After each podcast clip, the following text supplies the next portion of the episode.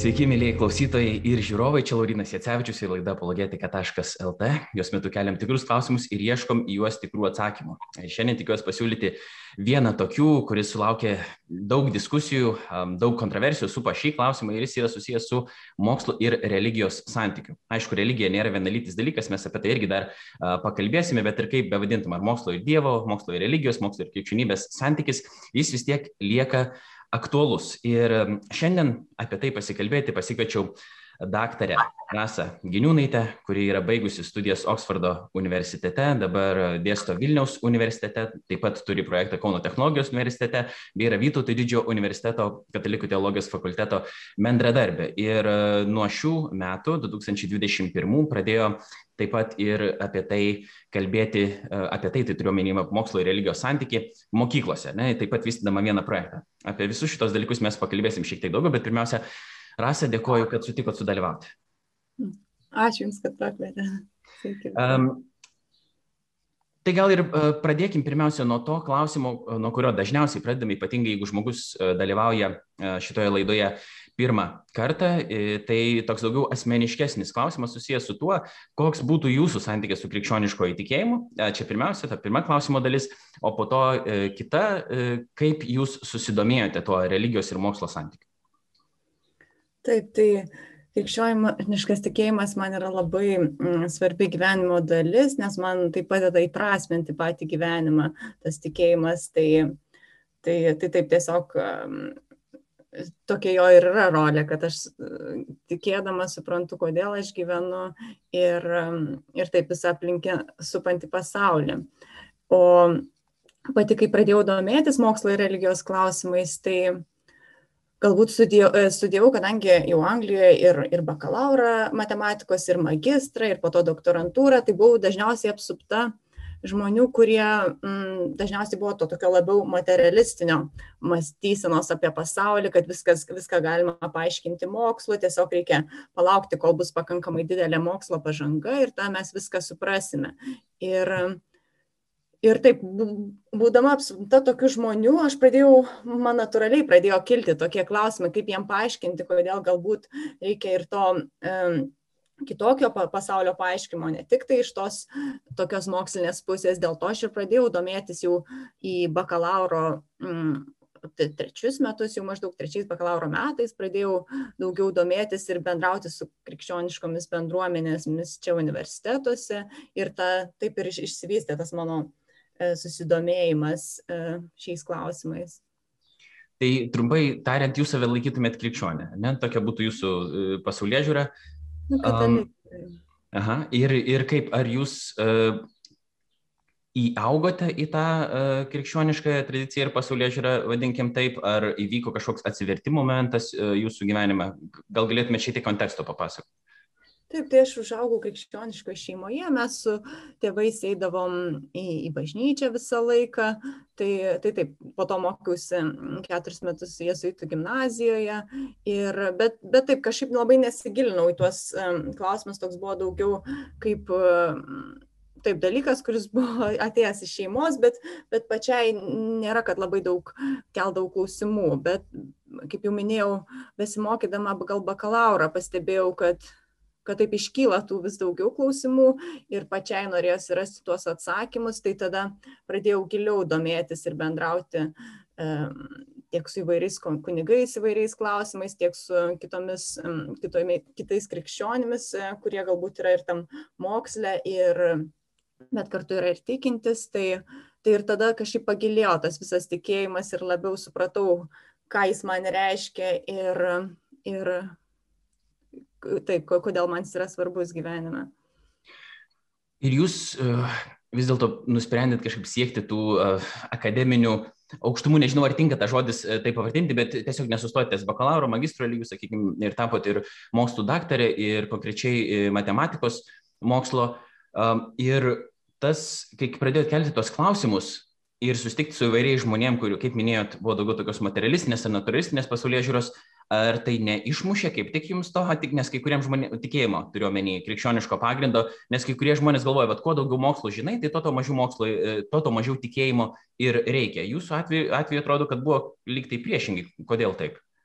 Taip tai nes dėl to kad kai aš pradėjau tuos kelti klausimus tai man kaip tik pasirodė e, aiškesnis atsakymas kad būtent reikia to kažkokio prasmės paaiškinimo nes kaip ir žinoma kad mokslas paaiškina viską kaip kas veikia ir man tai yra be galo įdomu. Man labai įdomu sužinoti kaip ir e, kaip sukur kaip pasaulis sukurtas kaip veikia įvairios biologinės sistemos nes mes naudojame matematinius modelius suprasti tą tuos pačius organizmus ir tą patį mano projektas buvo vystymas stengiamasi suprasti man labai labai įdomu kaip viskas vyksta. Bet bet aš pati supratau keldama tuos klausimus kad tokie dalykai nelabai paaiškintų kodėl viskas vyksta šitie moksliniai. Dėl to dėl to ir ir man tai tik tai padėjo iš esmės tas gilinimasis į mokslą suprasdamas kokios visos komplikuotos sistemos yra ir tiek žmonės, tiek visas pasaulis, tai, e, tai taip suprasti tą paaiškinimą man ir, man ir padėjo bent iki šiol tik tai, tik tai krikščionybė ir, ir tikėjimas. Ir kai mes kalbam apie religiją, dabar kadangi kaip minėjau religija yra nevienalytis dalykas ir dažnai žmonės sako pavyzdžiui mokslas ir religija kadangi religijų yra įvairių ir tų religinių mąstymo sistemų yra įvairių mes kai sakom religija mes turėsim omeny konkrečiai e, krikščionybę iš tos pasaulėžiūros sakykime mes išeiname nes e, ne, ne viską ne lygiai taip pat į klausimus atsakytų islamas budizmas ar kokia nors kita religinė sistema dėl to mes e, tiesiog aiškumo dėlį tada įvardinsiu kad kalbėsim aišku daugiau apie e, krikščionišką pasaulėžiūrą ir jeigu sakysim religiją tai turėsim omeny būtent šitą ir jeigu kažkam nepatinka pats tas žodis e, ne, religija, tai tiesiog sakau paprastumo dėliai, dėl definicijų mes, mes įvedam, kad, kad nereikėtų mums kiekvieną kartą sakyti ir dabar išaiškinti, kas yra tiksliai krikščionybė, kokiu jinai turi religinių elementų, kokiu jinai neturi religinių elementų, bet tradicinė ta žodžio prasme vis dėlto religija yra siejama iš, tiksliau, kildinama iš žodžio religarė, tai reiškia surišti, ta, surišti tam tikrą, nu, duoti sąsąją su Dievu ir panašiai. Tai tiesiog mes kalbam um, iš krikščioniškos tokios dabar perspektyvos ir kalbam apie um, krikščionybės santykių su mokslu arba mokslo santykių su krikščionybė. Dabar yra tokie keli požiūriai, bent jau kaip e, šitos dvi, sakykime, sistemos galėtų tarpusavį saveikauti. Viena iš tokių yra tai, kad e, religija daro savo reikalą, va čia kažkur, mokslas daro savo reikalą čia kažkur. Dėl to jie nekonfliktuoja, nes jie, net negali iš principo konfliktuoti, kadangi jų tie magisteriumai, kaip vadinasi, nepersidengia. Jie neturi vienas, nieko, kaip sakyti, e, nieko bendro vienas su kitu. Kiti sako, kad mokslas ir religija praktiškai tvarkosi su tais pačiais klausimais. Ir dėl to, e, e, kaip sakyt, mokslas, kadangi mokslo pažanga eina į priekį, tai mes turim vis mažiau įvairių likusių neatsakytų klausimų, dėl to mokslas iš principo viską gali atsakyti, o religija tam tikras yra tarsi mitinis pagrindas tiem patiems dalykams ir mums religijos e, gali greičiausiai ir nebereikėti, nes jie tvarkosi tais pačiais klausimais. Ir trečias toks požiūris, aš supaprastintai sakau, yra daugmaž toks, kad um, gerai, yra tam tikrų dalykų, su kuriais tvarkosi mokslas, ir kuriuos galima prieiti moksliniu metodu, yra tam tikrų dalykų, su kuriais tvarkosi religija. Pavyzdžiui, prasmės klausimas būtų religijos klausimas, mokslo būtų kaip dalykai veikia. Bet yra tam tikrų dalykų, kur tie magisteriumai persidengia ir tada religija ir mokslas jau kalba apie tos pačius dalykus ir čia gali vykti, pavyzdžiui, konfliktas arba gali būti pastiprinimas vieno ar kito dalyko. Pavyzdžiui, krikščionybėje tai būtų, jeigu yra tam tikrų teiginių apie istorinės tiesas, pavyzdžiui, kad Jėzus prisikėlė, pavyzdžiui, iš, numir, iš numirusiųjų kūnų, tai yra istorinis įvykis istorijoje, ar ne, tai mes turime istorijos mokslo, kuris tvarkosi, vat, kas galėjo būti praeiti, nu, įvykti praeitie, tai ir krikščionybė kažką sako apie tai, tai nėra visiškai uh, kalbama apie visiškai skirtingus dalykus, ne, gal yra skirtingi paaiškinimo mechanizmai, bet jau čia gali būti tam tikra įtampa arba tam tikra sąsaja. Ar jūs palaikytumėt kokią nors vieną iš tų a, tokių plateš, platesnių teorijų, o gal jūs turit savo kažkokią tokią sampratą, kurią galėtumėt pasiūlyti, kaip iš vis sąveikauja mokslas ir religija? Mhm. Tai ačiū labai, kad taip gražiai išskirstėte į tas skirtingas kategorijas. Tai, tai taip, tai aš manyčiau, kad galbūt ta, ta pirmoji, kad, kad skirtingus klausimus tai yra, nu taip, toks vienas kaip ir pradinis paaiškinimas, kodėl, kodėl iš esmės jie niekas nesikerta, bet, bet galbūt apie, kalbant apie tą tokią truputį sankirtą e, tarp dviejų, tai, mm, tai aš manau, jeigu galvojant apie tą visą nu, Dievo savoką ir, panaš, ir, ir ką, jis, ką jis gali, kas jis yra, ir tada tie tokie dalykai kaip stebuklai arba arba va, kažkokie kaip ir istoriniai įvykiai, kur galbūt kiltų kažkokių klausimų, tai, tai jie, jie tampa pakankamai, nu, tokie kaip ir su, supra, supaprastinti, nes, nes, nes jeigu yra iš esmės Dievas, kuris yra visagalis ir galbūt, taip, galbūt jis yra visiškai, nu, tokiam dvasiniam ligmenį, bet galbūt ir tada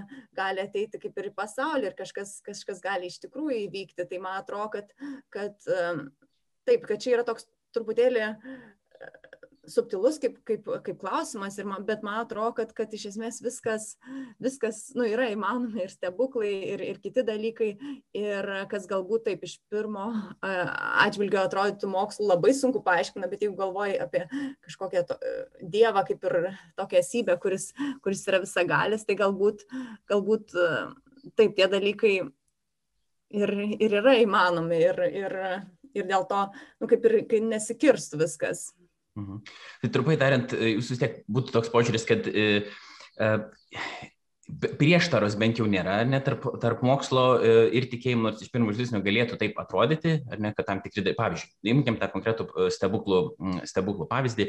Šis klausimas yra, kas, kas yra stebuklas. Kai kurie e, mokslininkai, gamtos mokslo atstovai, kai sakau mokslininkai, tai čia imam tą tokį populiarią sampratą, kad eina kalba apie gamtos mokslus, nes mes sakytumėm, pavyzdžiui, teologija yra, gam, taip, ne, gam, teologija taip pat yra mokslas, jis net yra įtrauktas į, į mokslų sąrašą, aš ne, nežinau tiksliai, kaip jisai vadinasi, bet Bet, bet taip yra, tiesiog Europoje jis irgi pripažįstamas yra bent jau kaip, kaip mokslo, bet tai nėra gamtos mokslas, ne, ir metodas yra kitoks. Taip pat kaip netgi ir istorinis metodas yra kitoks negu gamta moksliniai metodai, kurie būtų daugiau tokie eksperimentiniai, ne, keliant hipotezes, tikrinant jas ir, ir panašiai. Bet kai kurie vat, gamtos mokslo atstovai sakytų, kad stebuklai yra iš principo neįmanomi dėl to, kad e, tai reikalautų tam tikrų gamtos uh, įstatymo ar gamtos dėsnio sulaužymo. Jūs atrodytų, sakytumėt, kad ne, atrodo vis dėlto stebuklai, toks dalykas kaip stebuklas gali uh, būti įmanomas ir, ir, ir jisai nu, kažkaip nepaneigia gamtos dėsnių ar gamtos įstatymą. Kodėl jūs taip galvojat? Kodėl jūs nesutiktumėt su tais žmonėmis, kurie sakytų, kad vis dėlto ne. Jeigu nu, Dievas, jeigu jisai ir yra, jisai nieko bendro su šito pasauliu negali turėti, saveikauti kažkaip su juo ir įvesti kažkokios papildomos energijos, ką mes pavadintumėm stebuklu. Tai man atrodo, kad, kad taip, kad tie gamtos dėsniai, kad ir, ir, ir yra taip visiškai apibriešti ir, ir, ir kažkas nusakoma, ką mes žinome dabar, kaip kas vyksta ir nu, puikiai suprantame, bet, bet taip ir dar daug dalykų, kurių mes ne visai gerai suprantame ir, ir to viso kaip atsitiktinumo ir panašiai, jo vis tiek dar yra.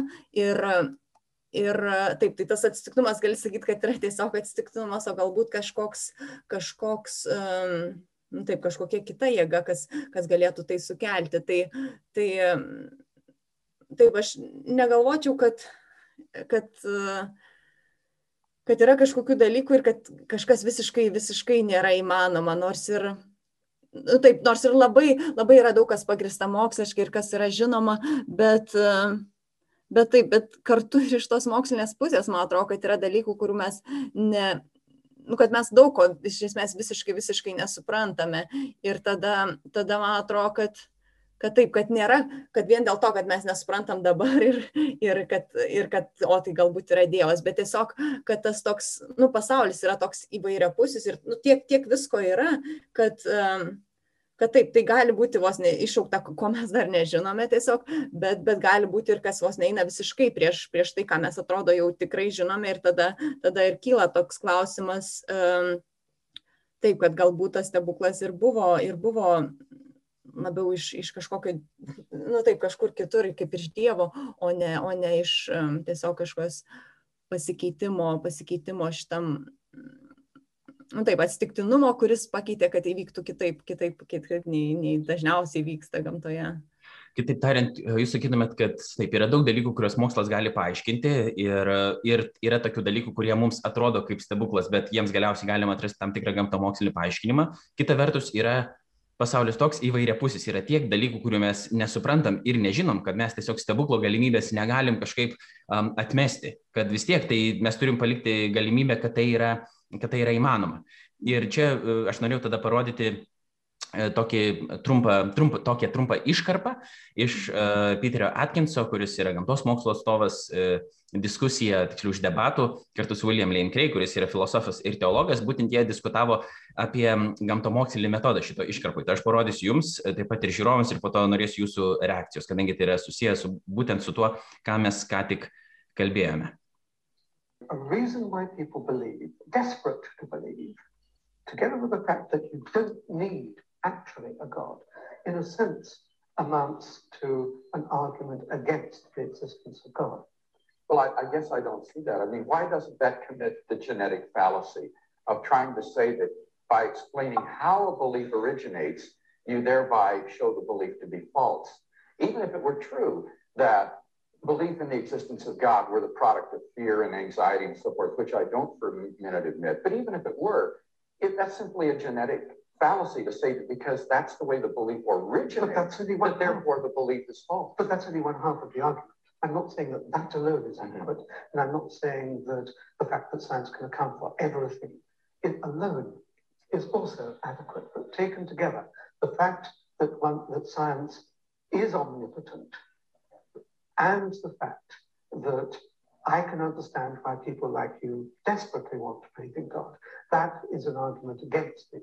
But two fallacious arguments put together don't, don't make a sound argument, right? Are, but, but, but do you deny that science cannot account for everything? Yes, I do deny that science. So what can't it account for? Well, I, had you brought that up in the debate, I had a number of examples that I was going to give. Uh, I think there are a good number of things that cannot be scientifically proven, but that we're all rational to accept. Let me list, let me list five. Logical and mathematical truths cannot be proven by science. Science presupposes logic and math, so that to try to prove them by science would be arguing in a circle. Uh, metaphysical truths like there are other minds other than my own, or that the external world is real, or that the past was not created five minutes ago with an appearance of age, are rational beliefs that cannot be scientifically proven. Ethical beliefs about statements of value uh, are not accessible by the scientific method. You can't show by science whether the Nazi scientists in the camps did anything evil as opposed to the scientists in Western democracies. Aesthetic judgments, number four, cannot be accessed by the scientific method because the beautiful, like the good, cannot be scientifically proven. And finally, most remarkably, would be science itself. Science cannot be justified by the scientific method. Science is permeated with uh, unprovable assumptions. For example, in the special theory of relativity, the whole theory hinges on the assumption that the speed of light is constant in a one-way direction between any two points A and B. But that strictly cannot be proven. We simply have to assume that in order to hold to the theory. The your pipe and smoke. Yeah. So are, uh, none of these beliefs can be scientifically proven, and yet they are accepted by all of us. Ir turim ištrauką iš uh, tokių klasikai jau uh, tapusių debatų tarp William Lane Craig ir, ir, ir Peter Atkins. Ir čia Peteris Atkinsas tiesiog uh, teigia, daro tokią prielaidą, kad mokslas, mokslinis metodas konkrečiai gali paaiškinti viską. Ir mums tiesiog reikia pakankamai laiko ir tada um, galėsim užpildyti visas tas spragas, kurias dabar religingi žmonės tiesiog uh, iš kažkokio troškimo tikėti Dievu, bando Dievu uh, užpildyti, iš tikrųjų galiausiai mums jo tiesiog nereikia. Ir tada kai metamas yra toks iššūkis Bilui Kreigui ir tu gali man duoti kokį nors pavyzdžių, kad uh, kas būtų negalima paaiškinti moksliniu metodu, Bilas Krygas pateikė bent jau penkias, tai kaip metafizinės tiesos, ta pati matematika ir logika, pats mokslas, uh, estetika, šitie visi dalykai, jie negali būti paaiškinami moksliniu uh, metodu. Na, nu, po to debatai, aišku, toliau tęsiasi, bet matėm tokį, kaip sakyti, išraiškant Peterio Atkinso veidą ir, aišku, filosofai sutiktų su Bilu Kreigu, bet kiti sakytų, kad kadangi Bilas Kreigas yra filosofas ir teologas, jis net nieko bendro su mokslu neturi, dėl to net nereikėtų jo klausyti, ką jis sako. Jūs, kita vertus, esat e, pirmiausia vis dėlto matematikos mokslo atstovė, kaip jums šitas gabaliukas, e, kokią pusę jūs labiau palaikytumėte ir kodėl? Mm, tai aš labai pritariu argumentams, kurie buvo pateikti ir dalykams, kurių mokslas negali paaiškinti, nes taip, visų pirma, kad vien jau mes, šitas teiginys, čia yra didelė, tokia kaip truputėlį klaida, kad mokslas gali viską paaiškinti, bet e, ir ta, šitą teiginį mes paremėme tai savo iš esmės tą iš dalies beprasmišką materiją, kuri suformuoja tos mūsų neuronus ir panašiai, kur ir, ir mes tuo pasitikime, kad mokslas gali viską paaiškinti. Čia tok, John Lennox yra šiaip argumentas, kad jis sako, arba dvi alternatyvos yra, arba um, taip mes sukurti iš visiškai beprasmės materijos, arba ten yra Dievas. Ir tada sako, kad, kad nu, taip keista, kad dauguma žmonių pasitikė tą savo beprasmę vos ne materiją, teikdami, kad Dievo nėra. Tai aš labai sutinku, kad, kad vien šitas pats pagrindinis tas toks įrodymas ir toks, a, toks tvirtas ir aklas pasitikėjimas, kad, kad šitas teiginys yra e, tikrai teisingas, jau, jau yra truputėlį klaida ir tada ateina tie visi kiti klausimai su etiniais dalykais ir, ir visokiausios metafizinės tiesos, tai, tai ir, ir iš to išplaukia, kad galbūt jie yra e, taip sunkiau juos paaiškinti tiesiog moksliniais, moksliniais dėsniais. Tai, tai taip, tai aš labai, labai pritariu ir tą.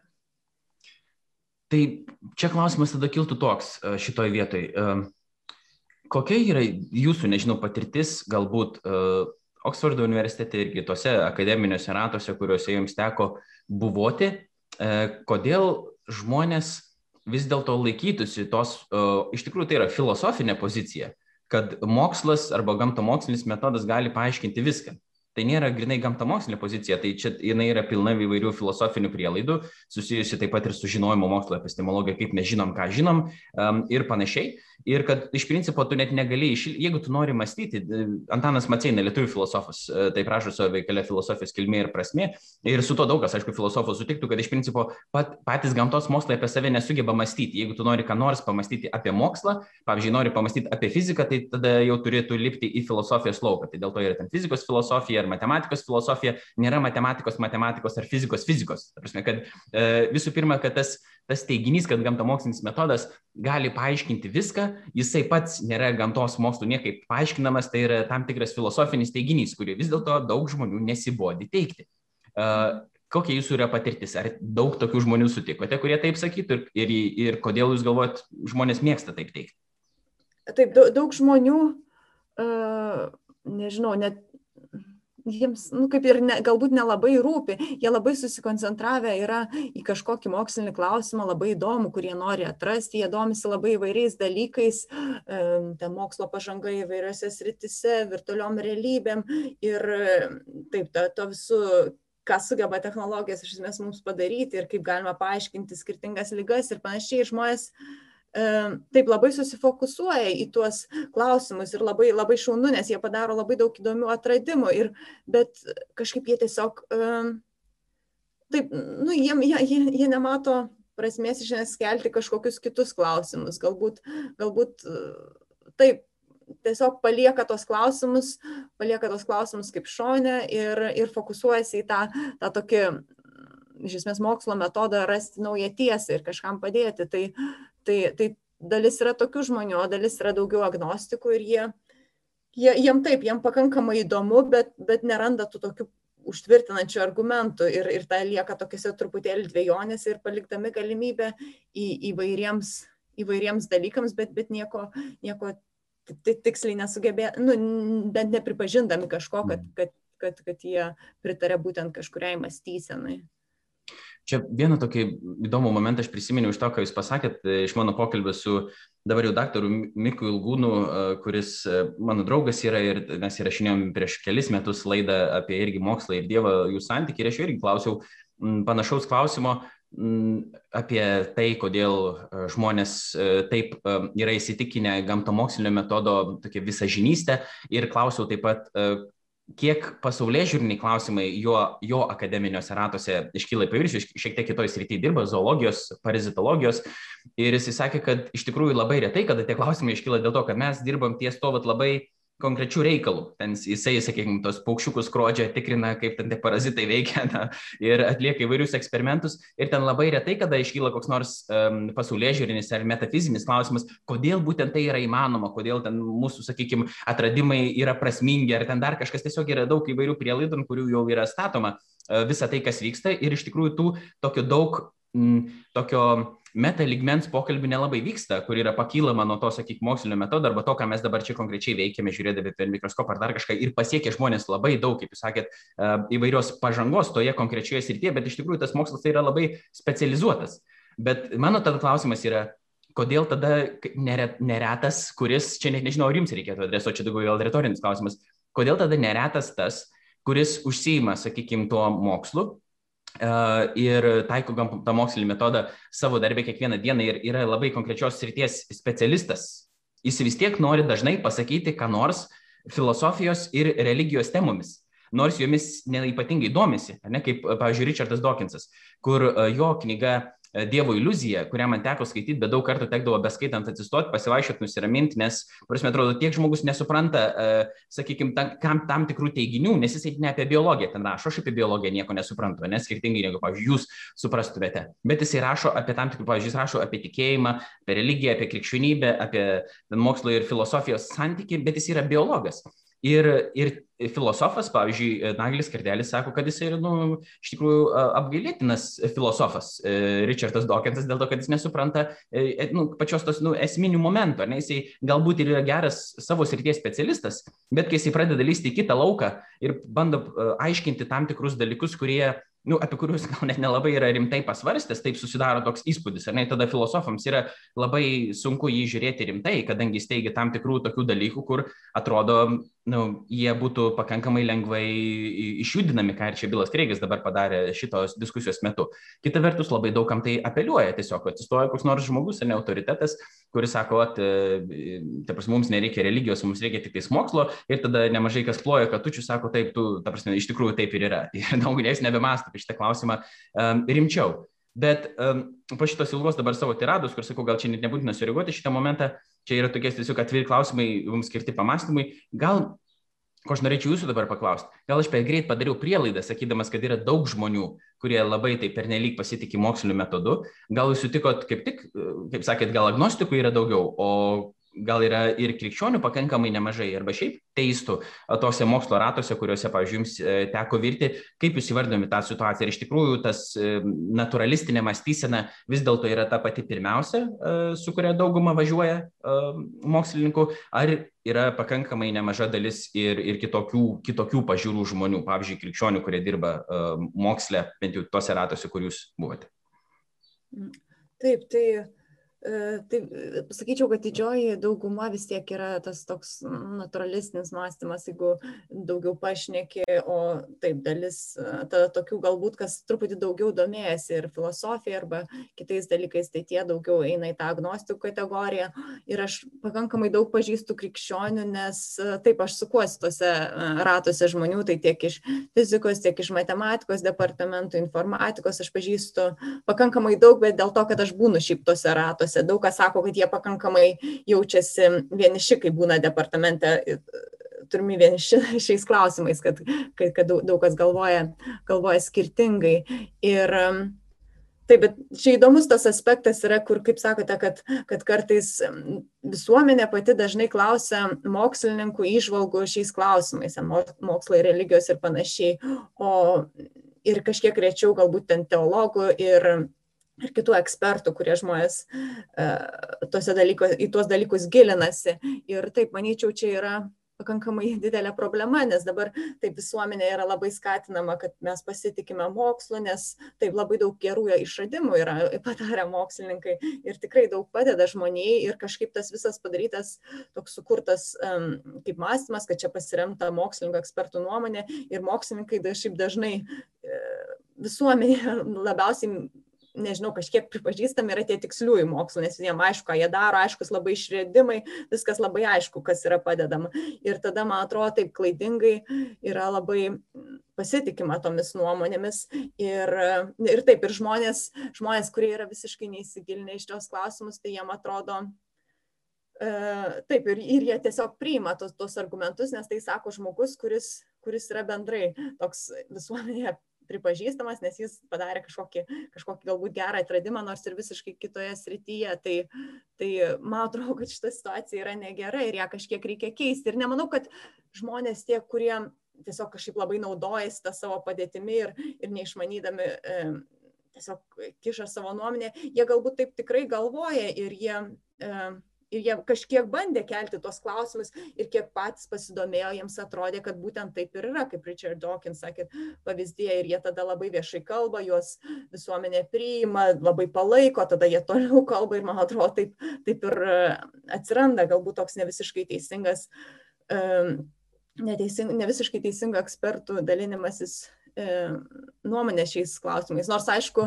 nors aišku įdomu ir, ir pati žinau nedaug ir tų mokslininkų krikščionių, kurie aktyviai domisi ir stengiasi stengiasi dalintis tuo, tai aš nemanau, kad čia, kad mokslininkai iš viso turėtų nešnekėti, nes aš pati domiuosi šitais klausimais ir truputį išneku, bet, bet taip, kad reikia labai atsargiai, reikia skirtingų nuomonių uh, klausyti tų ekspertų, uh, kurie tikrai gilinasi iš tos klausimus ir, ir taip, kad, kad nebūtų truputėlį tokio nesusipratimo vien dėl to, kad ko mes klausome, kaip ir jūs sakėte. Taip, aišku, čia nėra joks teiginys, kad reikėtų pasiremti, kad, pavyzdžiui, jeigu koks nors uh, matematikas jau, sakykim, kalba, jisai gali kalbėti tik tais apie matematiką ir daugiau nieko apie nieką kitą nekalbėti, arba jeigu filosofas tik apie filosofiją, jis negali kalbėti ten apie e, politiką, nors filosofija labai tampriai su visko susijusi yra. Bet e, tiesiog aišku, kad nėra taip, kad mes tik klausom vien tik tais tų, tų žmonių, tik tais toje srityje, kurie yra padarę kažkokį tyrimą arba jie domėjasi, nes uh, ir toje pačioje srityje, juk rasi daug žmonių, kurie viens su kitu nesutinka įvairiausiais klausimais, ne? Bet um, tiesiog, kad uh, čia kyla tas klausimas, kodėl, tikriausiai iš ankstinių nuostatų galbūt mūsų klausimas, kur angliškai vadinasi confirmation bias, kad mes ieškom tam tikrų mūsų iš, jau mūsų įsitikinimus paremenčių paremečių teiginių ar informacijos. Tai galioja absoliučiai visiems, ir man taip pat, ir jums, ir, ir, ir krikščionėms, ir nekrikščionėms, kad mes esame vis tiek linkę susirinkti tą informaciją, kuri palaikytų tai, ką mes galvojame. Ir tada sakyti, kad vat, nu, jaustis tvirtai tada toje pozicijoje. Ne? Ir labai mažai žiūrime tai, ką, ką kiti galėtų pasakyti e, šituo klausimu. Bet kad diskusija galėtų bent jau būti geresnė ir kad, e, kaip jūs sakėt, tie tikslėjai mokslai yra tapę viso ko galva, dabar, nu, tai bent jau sudarė toks įspūdis, ne, kad, pavyzdžiui, universitetai yra stumiami būti e, vadinamais tyrimų universitetais. Tai, ką tu ten, sakykim, teologijoje, religijos studijose, filosofijoje, ar dar kažkur ten lituanistikoje netgi, e, kokius, kokius, tyrimų, kokius mes tyrimus ten taip pat, nu, gaminsime tiek, kad jiems būtų daug skiriama nu, finansavimo ir panašiai, o kai atrodo fizikoje, biologijoje yra paprasčiau, tada galima paskirti tam tikrą kiekį pinigų, atliekami eksperimentai, yra labai aiškus rezultatai, tada galima žiūrėti ir iš tikrųjų va, taip ir gaunasi, kad po truputį, po truputį, po truputį yra liktai nu, stumiami lauk uh, tam tikri tam tikros paradigmos, tos e, mokslinės, e, to pačiu, nežinau kokia yra, nedrįšiu kalbėti dabar apie filosofiją pačią, bet teologija tikrai Lietuvoje yra ir ne tik Lietuvoje, ir daug kur kitur yra stumiama į, į, į kažkaip į paraštės, netgi sekularizuojama kai kurios universitetuose, kai teologija yra dėstoma bet, nu, iš sekuliarios perspektyvos ir ten to Dievo tokio kaip ir nelabai ir lieka, aš nežinau, kas ten tokio, nu, ta, tas e, tas tas pat mokslo dėstymo modelis gaunasi labai toksai įdomus ir, ir, ir sakykime, nu, keistai galbūt e, įdomus ir tada gal tik seminarijose daugiau lieka tos teologijos tokios, kur vis dėlto priimamas Dievo buvimas ir tada jo prieškimas ir iš, iš to daroma yra teologija, o ne visiškai e, sekuliariai. Bet e, filosofija, kaip ne kaip, nu, yra visų mokslų motina. Taip, po to iš gamtos filosofija ir ta natūralioji, net ne visai natūralioji filosofija, bet iš, iš principo apmąstymas gamtos ir vedė ten ir prie, prie, prie fizikos, ir, ir biologijos, ir visų kitų dalykų. Pirmiausia, nu, sakykim, vis tiek šaknis galiausiai yra, galiausiai yra ten ir nesinorėtų, kad žmonės visiškai e, atstumtų e, tuos dalykus, kurie, kurie yra svarbus ir turi, turi ką pasakyti ir, ir, ir nudienai. Nu, tai dar viena mano tokia, kaip sakyti, tai yra da pamastymo. Šitoj temui, bet vieną dalyką už, jūs užkabinote, kurį aš buvau net filmuką pasiruošęs, bet jaučiu trumpumo dėlį dabar jau nerodysiu, bet jūs sakėte apie tai, apie tą beprasmę materiją, kad iš principo, jeigu žmogus yra uh, atsiradęs, nesukurtas, bet atsiradęs, tada neišvengiamai, jeigu jis yra atsiradęs, jis atsirado atsitiktinai pats savaime, e, tiesiog mes esame šalutinis visatos e, kūrimosi produktas, kad ir kaip e, visa vyko. Ir materija pati savaime, jinai negali būti prasminga, jinai negali turėti nei prasmės, nei tikslo, kažkokiu link, ko mes galėtum judėti, nei reikšmės kažkokios Ir iš tos materijos esam susiformavę mes, kažkokiu būdu gavome sąmonę, mes galim apmastyti dabar tą materiją, galim apmastyti save e, ir panašiai, bet iš principo, kodėl mes turėtumėm, kiek aš išgirdau jūs, jeigu aš teisingai išgirdau, kodėl tada mes turėtumėm pasitikėti tą, e, to savo protu, e, kuris yra kilęs iš tokio betikslio ir beprasmio prado, grinos materijos, jeigu, sakykime, darytum tokią prielaidą, kad Dievo nėra, kodėl mums reikėtų pasitikėti, kad mūsų išvados apskritai yra teisingos. Ir tai man primena Alvino Plantingos e, tokį argumentą e, prieš evoliucinis argumentas prieš naturalizmą. Aš nežinau, ar jūs esate jį girdėjusi, bet Alvinas Plantingas sako taip, kad um, jeigu, sakykime, prim, primkim pavyzdžiui, sako, argumentų dėlį primam, kad evoliucija yra teisinga, tai reiškia evoliucija ir e, vyksta natūralioji atranka ir toli gražu nėra aišku, kad natūralioji atranka uh, nu, paremtų uh, mūsų mąstymą, kuris veda į tiesą jis yra pirmiausia koncentruotas į išgyvenimą. Pavyzdžiui, aš jeigu esu prie palapinės ir išgirstu kažką krūmuose šnarant, aš galiu pagalvoti, kad ten yra demonas ir aš galiu pagalvoti, kad ten yra meška, ne? bet mano veiksmas yra lygiai toks pat, aš bėgu, pavyzdžiui. Ne? Tai jis, mano įsitikinimas kažkoks, jis gali būti ir klaidingas, bet gali vesti į tam tikrą veiksmą, kuris vestų prie mano išgyvenimo. Tai prie ko jis dabar eina, kad mūsų sprendimai um, to natūraliosios atrankos principų veikiantis ir besiformuojantis, jie nebūtinai veda link tiesos, tikrų įsitikinimų, jie veda link išgyvenimo. Tad jeigu jie veda ne link tiesos, o link išgyvenimo ir um, kodėl mums reikėtų tada mąstyti, kad net iki mūsų įsitikinimas, pavyzdžiui, kad naturalizmas yra teisinga pasaulyje žiūra, kad materija yra visa, kas yra, kodėl jis yra teisingas. Nes mes nesam, nu, mes, mes formavomės ne tiesą atrasti, o išgyventi. E, čia yra geriausia, ką aš galėjau padaryti dabar su Alvino Plantingos e, argumentu per, per čia tą porą minučių, kaip jį suformuoti, tikiuosi, ne, ne kaip sakyti, neišmėsinėjau aš jo visai. Ką jūs galvojat e, apie jį? Ar jisai būtų pagrįstas ar ne? Mm. Tai man atrodo, kad, kad pagrįstas, nes, nes taip, nes man atrodo, kad yra ta tiesa ir tada taip, jeigu, jeigu ir, ir ta tiesa ir ateina iš Dievo. Tai čia toks, nu taip, taip truputėlį gal ne visai sus, pagal tą argumentą, bet, bet taip, iš esmės, jeigu yra tiesa, tai tada, mm, o kaip sakote, kad evoliucija veda link išgyvenimo, ne link tiesos, tai kažkas kitas turėjo vesti link, link tiesos. O jeigu... O jeigu žmogus galvoja, kad nėra tiesos, tada šitas argumentas kaip ir, nu, nieko nepasako. Tai gal čia skiriasi, kad kad aš galvoju, kad ta pati tiesa yra, o kiti žmonės galvoja, nu, dažnai susiduriu, kad kažkokios kaip tiesos ar fundamentalaus ten atskirimo tarp gėrio ir blogio nėra ir tada, tada šitas argumentas um, ne visai jiems, uh, jiems, jiems veikia. Tai, tai, tai tikriausiai uh, taip, čia skirtingi, skirtingi tas tiesos supratimas yra, kas uh, ir, ir man dėl to nekyla klausimų ir atrodo, kad, kad, kad jūsų pateiktas argumentas yra e, nuteisingas ir, ir tinkamas paaiškinti tą, tą skirtumą tarp evoliucijos ir, ir išgyvenimo ir atskiro dalyko kaip judėjimo link, link tiesos. Čia tas argumentas atrodo veiktų net ir e, tuo atveju, jeigu žmogus negalvoja, kad yra e, tiesa, nes jeigu jis negalvoja, kad kažkas yra tiesa, tada aišku, jis to argumento nepriims, bet tada jis ir savo pozicijos negali priimti, naturalistinės pavyzdžiui, jis negali nieko priimti, jisai plaukėja kažkur, e, jis yra suformavęs tam tikrus įsitikinimus, bet jis privalo pripažinti, kad tai visi jo įsitikinimai tiesiog yra preferencijos. Ir, ir arba jam taip atrodo. Ir jis negali sakyti tada, kad tavo atrodo geriau arba blogiau. Aš kėliau panašų e, klausimą universitete. Buvo tokia situacija, kur um, įvyko tokia pakankamai, tokia, nu kaip sakyti, arši diskusija E, tarp e, mano kolegų ir manęs, mūsų ten nebuvo daug, bet aš toks jaučiausi vienas tą, tą poziciją bandydamas atstovauti kažkaip e, ir, ir netgi su dėstytoje toks buvo irgi kaip nu, padiskutavimas tuo klausimu ir mes susikirtom šitoje vietoje būtent, kad sak, aš, man, aš paklausiu taip. Ar bent kuri nors iš tų filosofinių teorijų, mes konkrečiai kalbėjome apie filosofiją ir skirtingų žmonių filosofijas ir kaip jie aiškina pasaulį, yra arčiau tiesos arba dalykų, kaip yra, arba toliau nuo tiesos.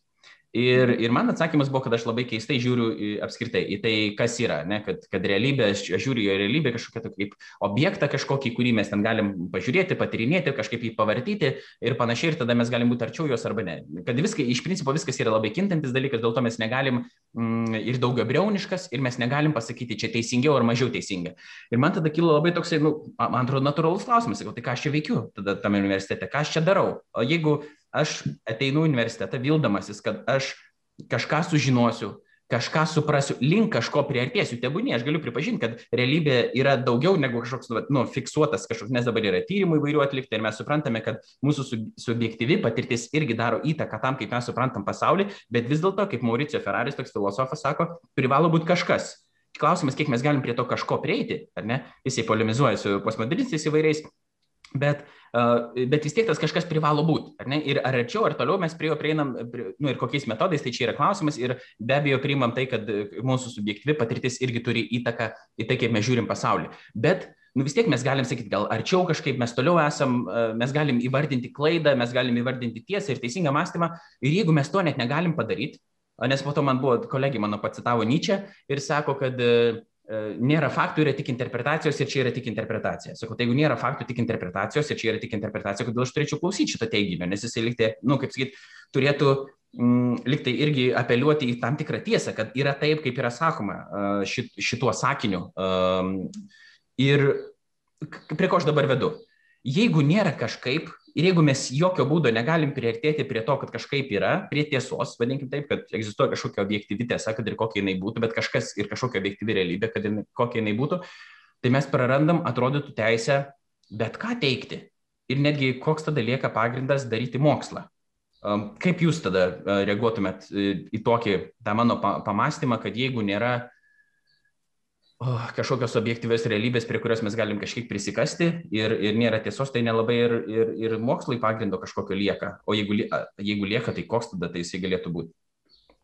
Na, tai man atrodo, kad taip dauguma tų žmonių turi kažkokias kaip tas pradinės prielaidas tokias ir, ir dėl to tas visas argumentacija, visi tyrimai yra mm, pagristi ir, ir, yra nu, tokia kaip kažkokia bazė, kaip ir tie matematinės aksiomas ir skirtingi dalykai, kurie uh, kurie, nu taip, yra tiesiog priimami ir tu tą darai viską, e, nu, kai žmogus daro tada visą argumentaciją pagal tuos pradinius, pradinius kaip pradinės prielaidas. Ir jeigu viskas yra pasakyta, nu, kad čia yra tik tai prielaida ir galbūt tai yra neteisinga, tai žmogus gali visą kitą tą daryti, žinodamas, kad su kažkam pradiniam prielaidom ir ta gali ir vystytis visas mokslas ir panašiai. Ir tie žmonės yra, man atrodo, tokie, nu taip, kad e, jie ir sako, kad tos kaip ir galbūt tiesos ne visiškai yra, nes galbūt nu, ta, ta, ta, tos pradinės prielaidos galbūt yra ir teisingos, e, galbūt teisingos, galbūt neteisingos, bet mes padarome jas. Ir, ir taip, tai tada, e, nu, man atrodo, kad šitų argumentų galbūt, e, galbūt gali ne, ne, nekilti labai daug loginių klaidų, ar jums atrodo, kad, kad vis tiek gali Nu, man atrodo, kad e, aš sutinku su jumis, kad žmonės tiesiog paima tam tikras prielaidas ir nuo jų stato kažką. Nu, pavyzdžiui, mhm. mes matome, kad uh, kad realybė, vat, nu, kažkaip, kažkaip dalykai veikia aplinkui mus, mes galim dalykus kažkaip apskaičiuoti, kažkokiu būdu matematika netgi veikia, atrodo, ne, mes galim kažką sužinoti, mes galim sukurti tam tikrų dalykų, kurie mums padeda, pavyzdžiui, dulkių siurblį, mes galim, ar, dar, ar televizorių, ar ten mikročipus kažkokius, ar dar, mes galim sukurti įvairiausių tokių dalykų ir jie veikia ir neužklausite tų pradinių prielaidų, kaip jūs sakote, tiesiog ant jų visą tą statyti ir ten koks tas skirtumas, ta prasme, mes matom, ten tiesa, netiesa, čia jau yra antrailiai tie visi dalykai, mes galim bet nelabai žinot, bet mes matom, kad veikia ir mums yra kažkokia nauda iš to. Ir mes tą galim padaryti. Tai taip, čia daug žmonių galėtų taip ir, sakykime, gyventi ir taip ir gyvena, neužklausdami ten tų pradinių prielaidų, bet aš sakau, kaip prie tų pradinių prielaidų pradedi kastis, lygiai taip pat kaip ir prie e, moralės, apie ką jūs minėjot. Man irgi moksleiviai labai neretai, e, su kuriais tenka kalbėti mokyklose, sako, kad nėra tokio dalyko kaip geris ir blogis. Ne? Ir tada e, jie taip ir, nu, sako, kad nėra, bet iš tikrųjų gyvena tarsi būtų kažkas e, tas gera ir bloga. Ir tai dažniausiai yra paremta ta, kaip žmogus jaučiasi. Nu, man atrodo, kad taip neturėtų būti. Ir tada jie įsitraukia įvairius socialinius judėjimus, sakydami, kad taip negalima daryti ir panašiai. Tai viena ranka liktai sako, kad taip negalima daryti ir jūs esate tokie ir tokie blogiečiai, kad jūs, vat, nepripa, jūs netolerantiški, jūs esate tokie ir anokie. Kita vertus, sako, bet iš tikrųjų tai nėra nieko gero ir blogo. Tai reiškia, ir tada, kai užklausite tas pradinės vat, prielaidas, tada va čia ir iškyla tas, tas e, kur, kur aš galvoju, ta logika tada ir pradeda griūti.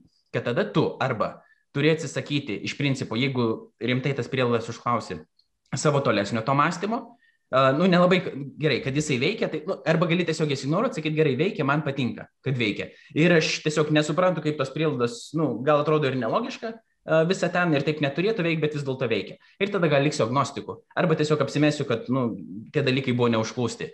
Kita vertus, ką tu gali padaryti, sakyti, ai, jeigu tos prielaidos iš tikrųjų yra užklausimos ir tada žiūriu, kad vis dėlto tai turėtų vesti link, kad ne, tiesa kažkokia egzistuoja, egzistuoja kažkokia objektyvi moralė, po to kitas žingsnis tada būtų, o kodėl taip, taip yra. Ir tada tai iš to mes galime formuluoti netgi kažkokį Dievo buvimo argumentą, kad jeigu, kaip jūs sakėt, jūs tam tikrą prasme sakėt tam tikrą Dievo buvimo argumentą, kad Jeigu tiesa yra, objektyvi tiesa, tai galiausiai turi būti kažkas, kame yra išaknyta ta, ta tiesa ir, ir tai galėtų būti Dievas. Pavyzdžiui, taip pat ir su moralė yra labai panašiai. Jeigu egzistuoja moralė, kažkokį mes galime atskirti gerą ir blogą, objektyviai, bent jau kažkuriuose vietose, nekalbant apie pilkasios zonas, tai irgi tai vestų link to, kad, kad egzistuoja kažkokia tokia panaši būtybė į Dievą. Tai prie ko aš čia tik įsvedu, sakau, kad e, e, ta e, žmonės gali laikytis tos logikos ir viskas gali būti gerai, tada jeigu nėra užklausimus tos prielaidos, bet jeigu tos prielaidos yra užklausimus, tai reikia tada ir jos tada sudreba, tai reikia arba ignoruoti, kad jos buvo užklaustos,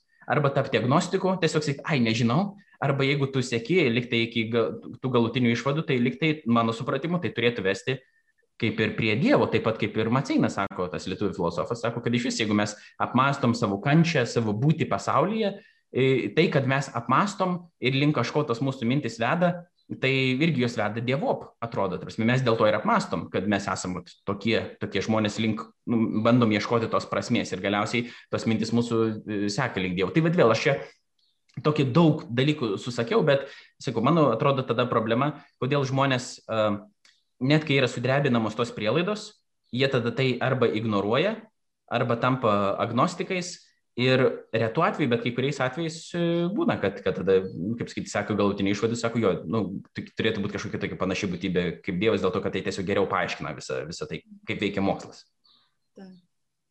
Taip, tai labai aš pritariu, ką, kaip dabar apibendrinote ir, ir taip tiesiog, nu, kartais gaila, bet galbūt ir suprantama, kad dalis žmonių nekelia tų klausimų ir gražiai nugyvena gyvenimus ir nei, nei jų kaltinti mes visuomenė nei, nei turim, nei kaip, bet kad tas vyktų diskusija ir kuo daugiau žmonių galbūt um, suprastų, tai, tai nu, man atrodo svarbu tas, tas, tas diskutuoti ir nes, nu, nes kadangi kai aš tikiu į tą, tą pačią tiesą, tai, tai svarbu, kad jas, jas kleisti ir žmonėm padėti diskutuoti, bet, bet kartu ir ne, negalima kaip ir forsuoti. Bet, bet čia taip, toks, to, toks gerai jūs įvardinote labai, kad, kad tas um, iš esmės žmonėm kai kuriem net nereikia viso to paaiškinimo ir, ir jie, jie savo gali gerai gyventi, o, bet, bet kai jau iškyla diskusijos, tai taip, nueinama iki to pradinio klausimo ir man irgi atrodo, kad, kad Dievo buvimas tiesiog tą bendrą visą paveikslą lengviau pamatyti.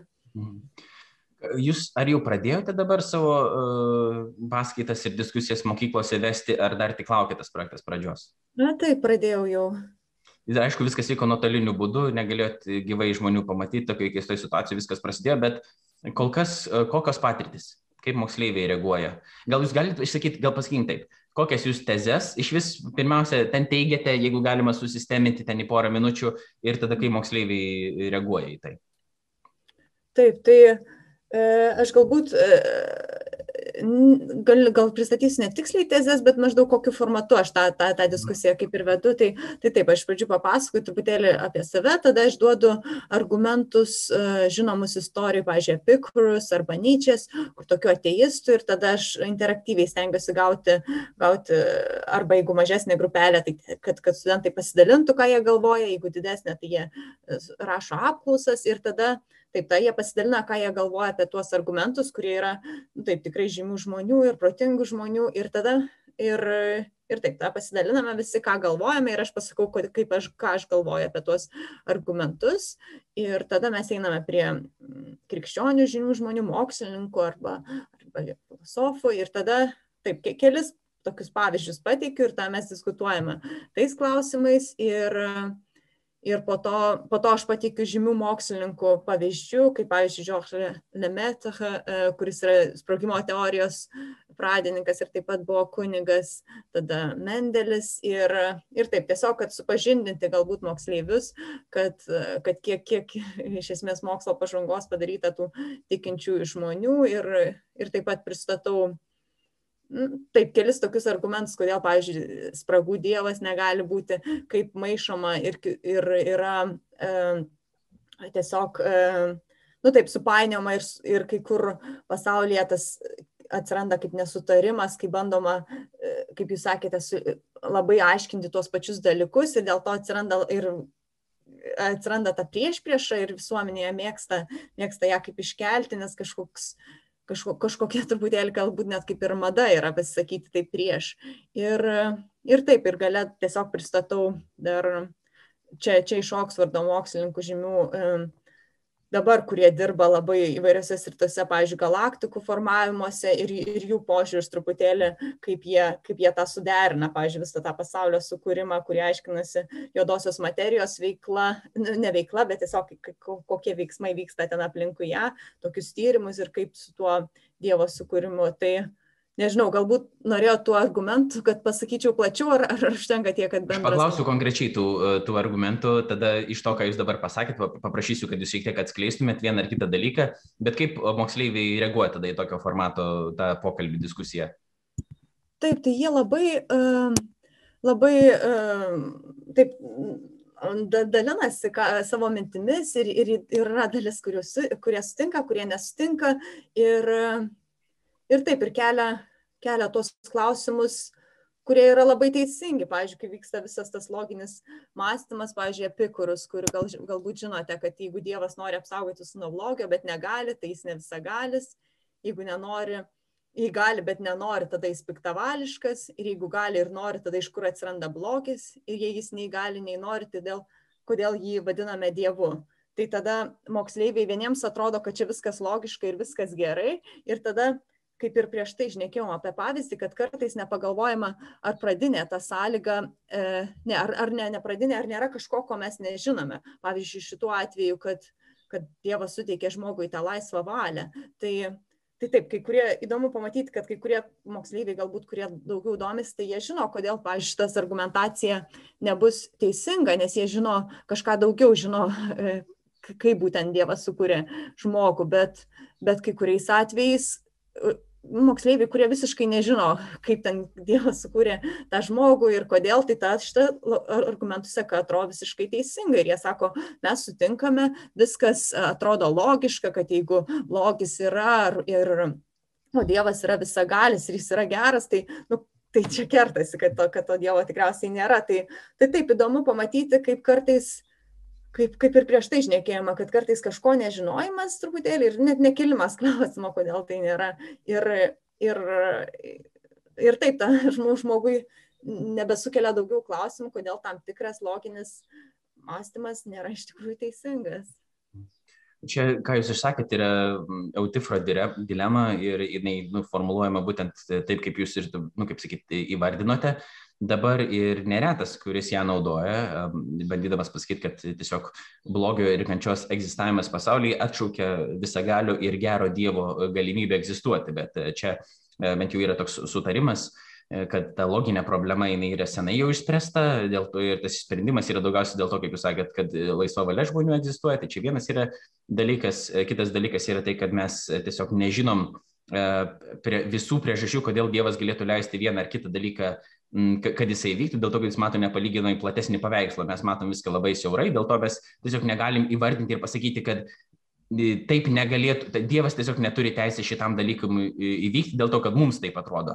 Tai logiškai, sakykime, tą, tą, tą dilemą galima pakankamai nesudėtingai atrodo įspręsti ir tą filosofai jau yra e, padarę. Lieka daugiausiai tas emocinis momentas, ne, kuris yra labai paveikus iš tikrųjų. Kodėl e, tada, jeigu Dievas yra geras ir visagalis, kodėl iš tikrųjų mano mm, e, mano artimiesiems skauda arba man skauda, kodėl tokia didelė kančia vyksta mūsų pačių gyvenimas ir tada, sakykime, net jeigu logiškai išsisprendė šitą klausimą, bet ateina prie emocinio ligmens, tada yra žymiai sunkiau su juo susitvarkyti.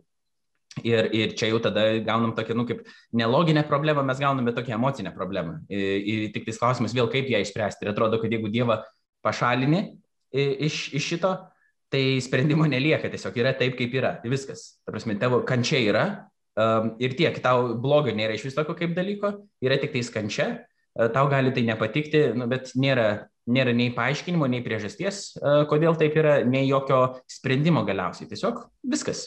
Tiesiog toks yra gyvenimas. Vieniems labiau pasiseka, kitiems mažiau pasiseka. Ir tik tada, jeigu Dievas egzistuoja, mes galim iš vis apskritai kalbėti apie kokį nors sprendimą. Mes gal nesuprantam, kodėl dalykai vyksta mūsų gyvenimuose, bet bent jau egzistuoja tam tikra viltis, kad e, link, tai turi tam tikrą prasme, tai turi kažkokį tikslą, gal pagal krikščionišką supratimą Dievas net nenorėjo, kad tai būtų, ar ne, tai yra e, susijęs su žmogiškoju nuopoliu ir, ir, ir su nuodėme mūsų nepataikymu į tikslą ir galiausiai taip nebebus, Dievas atstatys viską, bus nušuostyta kiekvieną ašarą ir, ir panašiai. Tai labai tas įdomu, aišku, čia vėl pradedu pasakoti iš savo gal patirčių irgi, kai, kai, kai būna tos diskusijos e, mokyklose, nes labai panašiai jos irgi vyksta, kaip jūs išsakėte, bet aš norėčiau gal, kad truputį papasakotumėt, um, kokius, daugia, kokius prieštaravimus, galbūt čia vienas iš jų, jūs jau minėjot, be šito, kokie dar būna prieštaravimai iš moksleivių, kurie sakytų, kad, nu, ne, Dievo negali būti, nes ir tada duoda kokį nors prieštaravimą. Mm, aš tiksliai nežinau, ar esu klausus tokio tiesiai jo klausimo, jų klausimo, ar e, kodėl jiems atrodo, kad Dievo negali būti, bet um, kiti prieštaravimai, tai ne galbūt kai kurie žmonės labai kategoriškai sako, aš e, netikiu ir man neįdomu. Čia, pažiūrėjau, kur buvo ta didelė kaip ir apklausa ir turėdavo būti, tai čia gal net ne prieštaravimas, bet tiesiog toks visiškai mhm. atsitraukimas. Kitas mhm. dalykas, kad, kad galbūt, e, nu taip, tie argumentai va visi su blogiu arba su...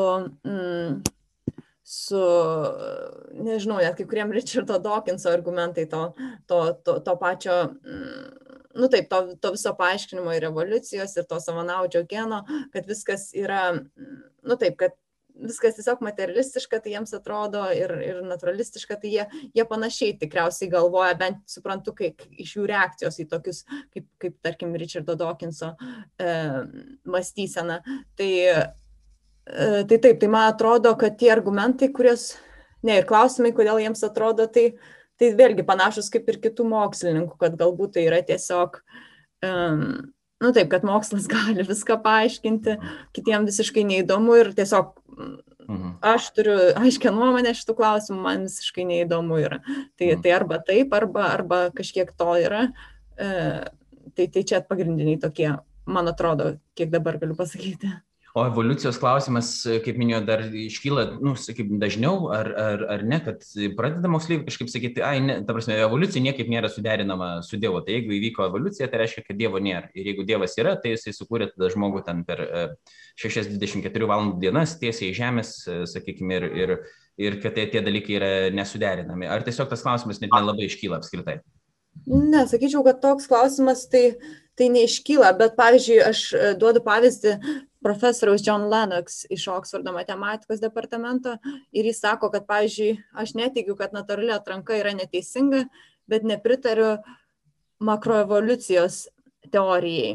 Tai, tai taip, nu, iš pradžių galbūt reikia labiau išsiaiškinti, kas tai yra makroevoliucija kad, ir kas tai yra natūrali atranka, kaip iš esmės iš organizmo truputį pamutuoja kažkas ir vykstosi kitam organizmo, o ta makroevoliucija galbūt uh, nu taip, išsivystimas tokio, tokio žmogaus kaip, tokio e, būtybės, gal kaip žmogus, tas visas mūsų mąstymas ir, ir nu taip, visa, visas pasaulis, kurį mes turime, taip didžiąją tą prasme, o ne tais mažais, mažom mutacijom ir kaita. Ir tada čia galbūt kyla e, moksleiviams klausimų truputėlį.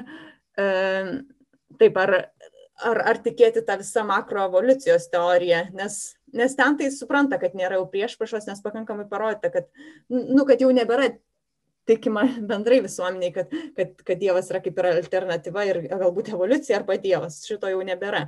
Bet va tas klausimas tarp tos mm, makroevoliucijos ir, ir natūraliosios atrankos, tai galbūt, galbūt iškyla dar, dar jiems. Nu, bent, bent kilo, kai aš pateikiau šitą teiginį. Mhm. Tai e, jo, čia aš dabar nesenai, e, prieš tiksliau, prieš kalbėdamas su jumis dar žiūrėjau tokio Michael Jones, e, kuris labai įdomu, jis šiaip yra tai, evoliucinis teistas, ar teistinis evoliucinistas, taip reikėtų vadinti, kuris nu, priima evoliucijos teoriją, sutiktais vieną išlygą, aišku, pagrindinę, kad tai nėra betikslis procesas, bet kad Dievas įvaldė su tam tikrus tikslu. Tai reiškia, kad, kad Dievas yra to proceso užkurėjas ir valdytojas vedantis link tam tikro tikslo ir jis ten bandė savo filmukuose, jeigu kam yra įdomu, galima jo paklausyti.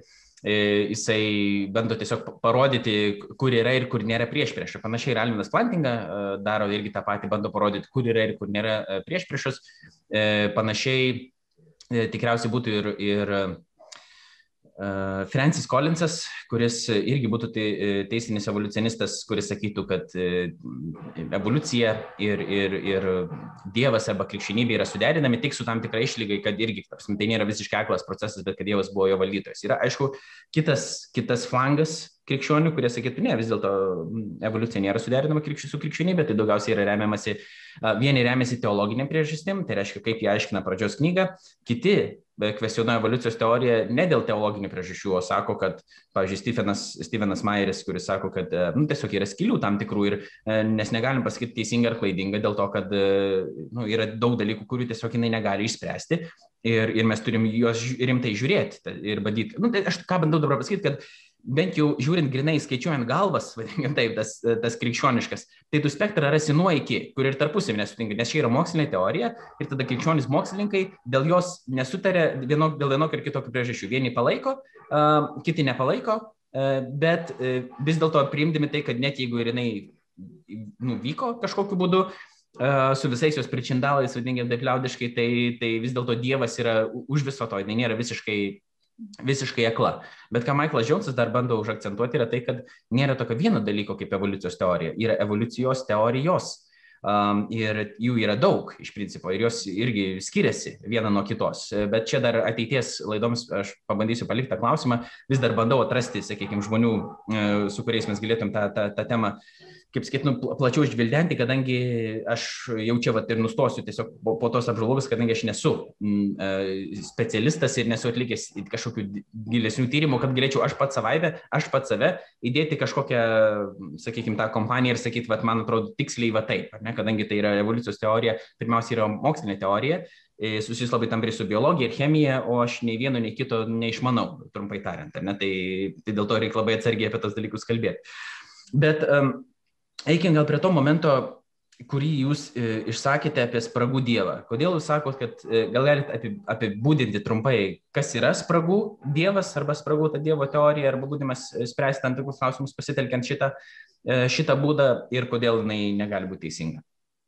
Mm, taip, tai, tai tas spragų dievas tai yra kaip ir gal per istoriją labai dažnai būdavo e, tokių pavyzdžių ir daug kas remiasi dabar kartais e, parodydamas, kodėl spragų dievas būtent yra, kad dievas būtent ir yra spragų dievas, dėl to, kad anksčiau, kai nežinoma, būdavo, negalėdavo žmonės ką nors paaiškinti, tai sakydavo, čia sukūrė Dievas, kad nesuprasdavo, kas net nesuprasdavo, kodėl ten pradeda lyti. Ir čia, nu, gal, gal čia jau toks labai paprastas pavyzdys, bet tiesiog ne, dalykų, kurių nesuprasdavo, sakydavo, kad taip sukūrė Dievas, kai net nežinodavo, aš DNR, kaip ten persidoda e, informaciją iš kartų į kartas. Tai, nu taip, tai čia, pavyzdžiui, tiesiog nežinojimas, galbūt tiksliai nesakė, kad čia Dievas, bet, nu taip, to tokio nežinojimo palikdavo, kad, kad taip, čia Dievo dovana ir, ir čia arba, arba, arba kažkas tokio. Tai čia yra tas taip, kad spraga, ko mes nežinome moksle, paaiškinam vos ne religijų. Ir kuo daugiau mes žinome moksle, tuo daugiau, tuo daugiau mes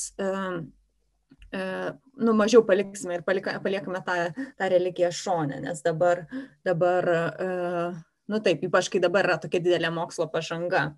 Ir, ir taip, man atrodo, kad šitie argumentai yra visiškai neteisingi, nes, nes taip, kaip jau minėjau, kad man atrodo, kad aiškina skirtingus dalykus ir, ir kad mokslas paaiškina, kaip viskas veikia, o religija kodėl. Uh, viskas e, veikia, tai, tai tiesiog dėl to ir, ir nėra, ir, nu taip, nėra, kad spragas, čia visiškai nėra spragų, čia du, du dalykai, kurie yra pilnai susijęti.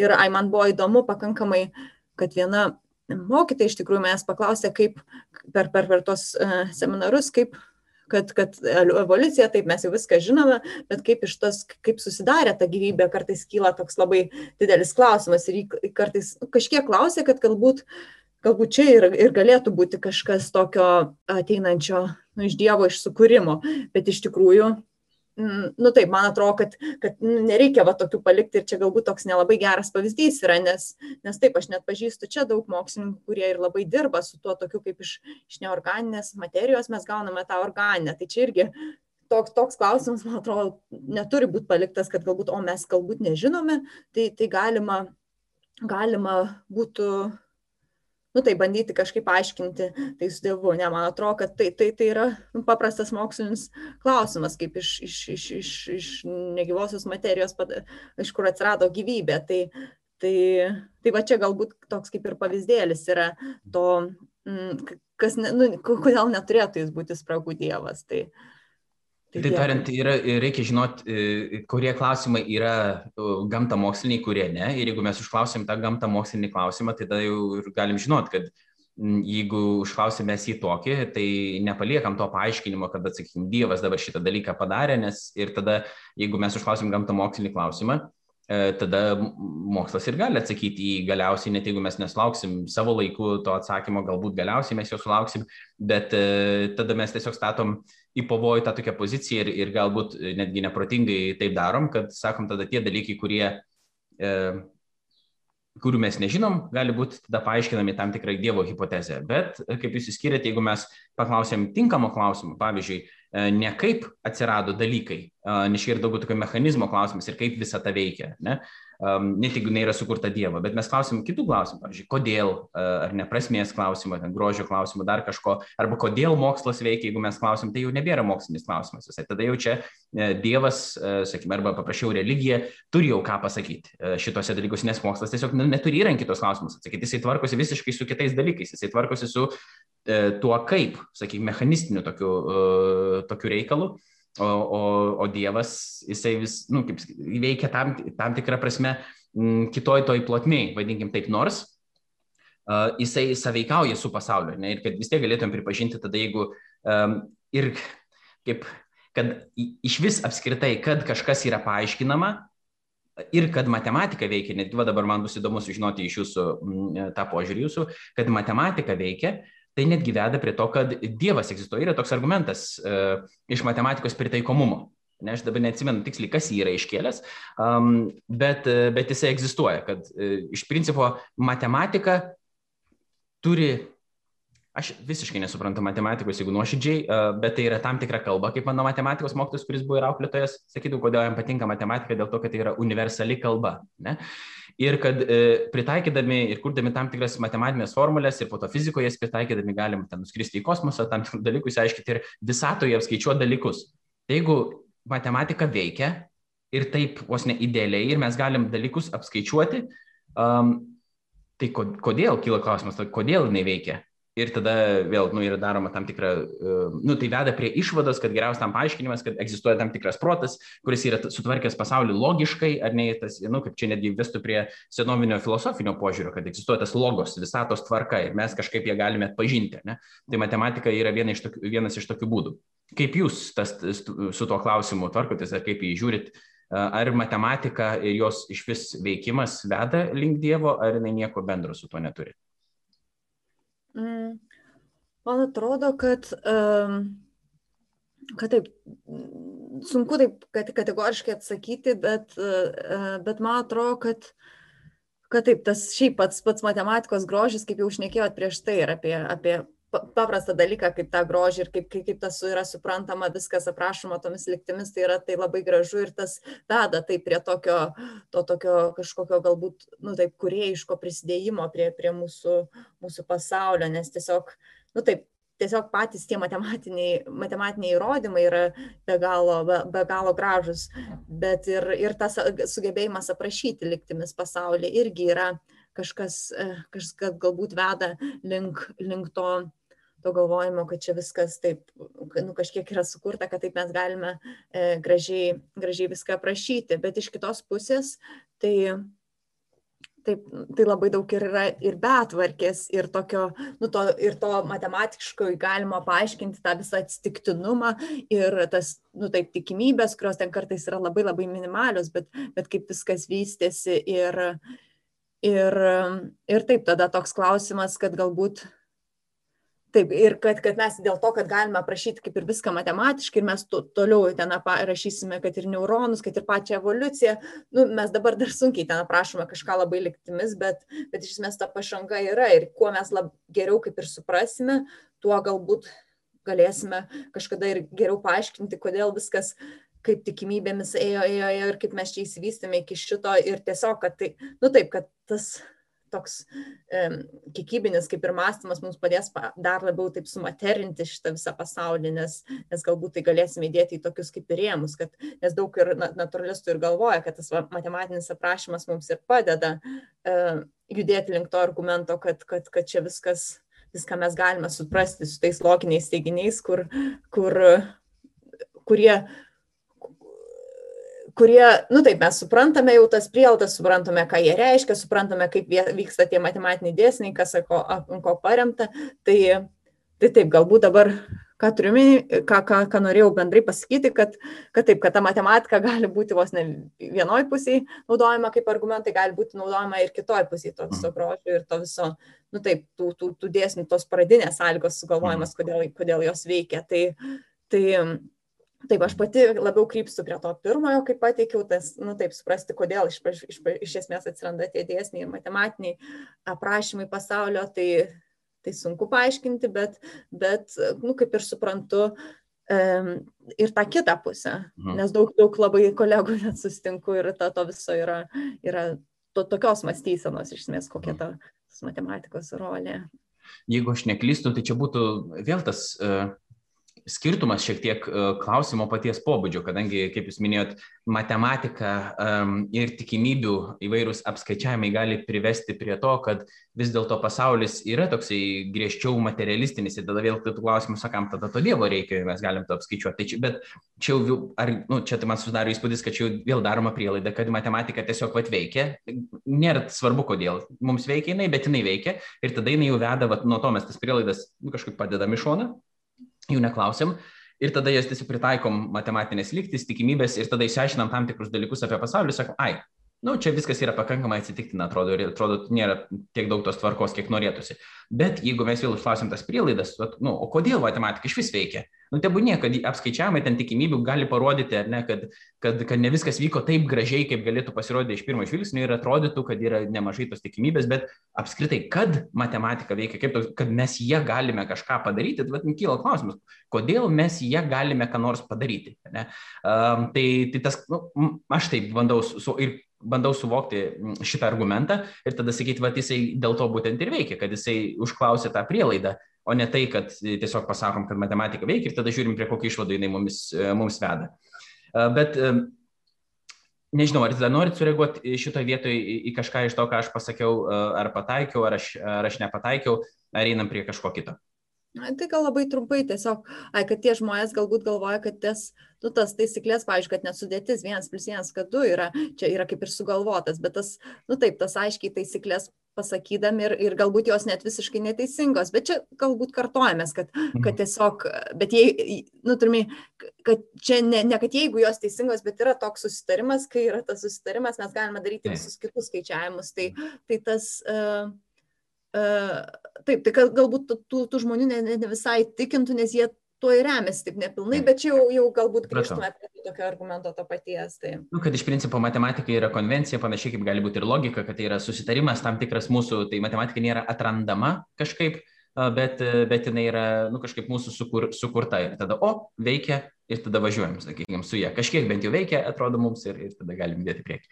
Um, gerai, aš paskutinį gal tokį klausimą noriu užduoti jums. Jūs minėjot, vienas dalykas mane labai suintrigavo apie tuos um, šio laikinius mokslininkus, e, kurie teigia įvairiausius, nu, kurie tyria galaktikas, e, apskaičiuoja įvairiausius dalykus ir, ir žiūri, kokios yra sąsajos su kurėjo galimybę arba negalimybę, jeigu aš dabar supratau e, teisingai. Tai jeigu jūs pagal tą pamokos formatą po to pabaigoje kalbate būtent apie tai, pirmiausia pradėdama nuo tokių ateistinio požiūrio, daugiau e, į, į tai, į, į Dievo buvimą, sakykime, tokia negalimybė, po to į krikščionius buvusius mąstytojus istorijoje ir, ir minėjot irgi čia vienas iš jų, tas Šortas Lemetras, kuris buvo tos didžios sprogimo teorijos kuriejas ir vienas kuriejų ir jis buvo kunigas, ne, ir čia irgi kitiems dažnai atrodo, o kaip tas didžisis sprogimas paneigė Dievo, dievo galimybę. Irgi pasirodo, kad nu, kunigas sukūrė ir, ir kad ne, ne, ne tai, kad nepaneigė, bet tam tikrą prasme jis netgi ir paremė. Ten Bilas Kreigas Kalam e, kosmologinėme argumente naudoja būtent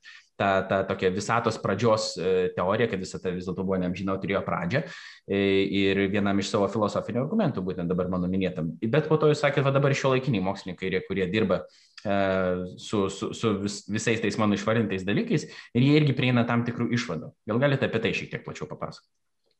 Mhm. Tai man atrodo, kad ir, ir kiek jie dalinasi, tai taip, jie turi tą begalinį smalsumą suprasti, suprasti tą visą mūsų visatą, visą sukūrimą ir panašiai, bet, bet jie vėlgi neranda jokių priešpušų ir nėra, kad jie bando sukombinuoti kažkaip labai kartu į vieną, ten kažkaip surišti, galbūt ten biblijinį pasaulio sukūrimą ten su, su ta veikla. Ne, jie to visiškai nedaro. Jie galvoja, kad, nu taip, kad Biblija yra knyga, kuri yra kit, kitkam, ji yra tam, tam prasmės paaiškinimui, o tą jie savo smalsumą ir tą žingeidumą mūsų natūralų žmogaus noras suprasti šitą pasaulį, tai jie tą patenkina su tuo mokslu, bet jie kartu, kartu jiems panašiai kaip man irgi tas padeda tikėjimo klausimas padeda suprasti, suprasti iš esmės už mus kaip žmonės ir tą, tą visą pasaulio prasme. Tai, tai neatsakoma, kad tai sako, kad yra skirtingos kalbos išreikšti ir par, paaiškinti skirtingus, skirtingus visiškai pasaulio aspektus. Tai, tai jie, jie nekombinuoja, bet jie tiesiog, tiesiog labai aiškiai teigia, kad, kad taip, į įvairius klausimus mes turime naudoti skirtingus įrankius jiems atsakyti. O kurie, jūs turit pavyzdžių, sakykim, pavardžių konkrečių, į kurie žmonės ką sakytų, kokius ten teiginius, nes jūs minėjote apie tas.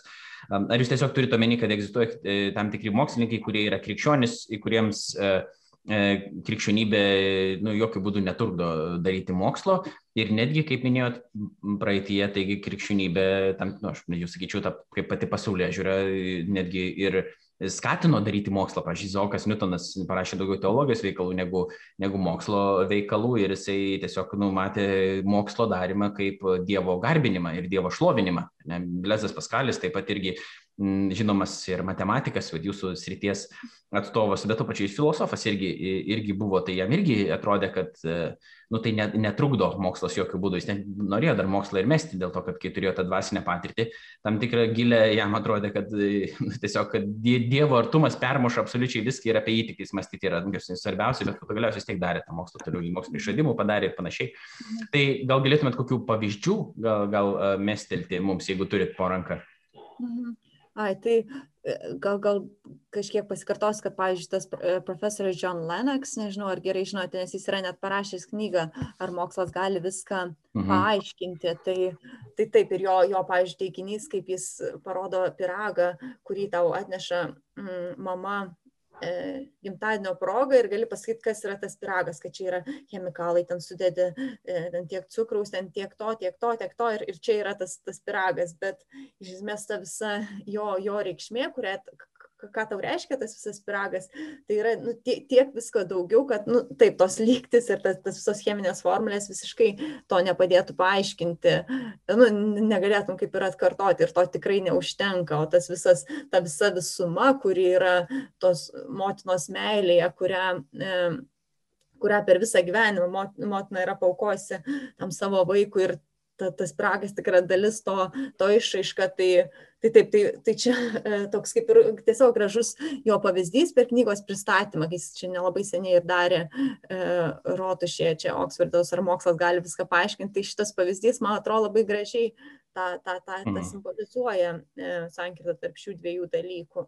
Tai, o kiti mokslininkai, gal tik trumpai paminėsiu, tai ta astrofizikė Catherine Blundell, tai ji mm, užsiminėja tą ta galaktikų teorija ir evoliucija ir materijos prie, prie juodųjų skilių um, veikla, ne veikla, galbūt ne, ne visai tinkamas žodis, bet tiesiog juos tyrinėja. Tai, tai taip, jis ir sako, kad mokslas paaiškina, kaip sukurta visada, bet ne kodėl, čia vėlgi galbūt pasikartojimas.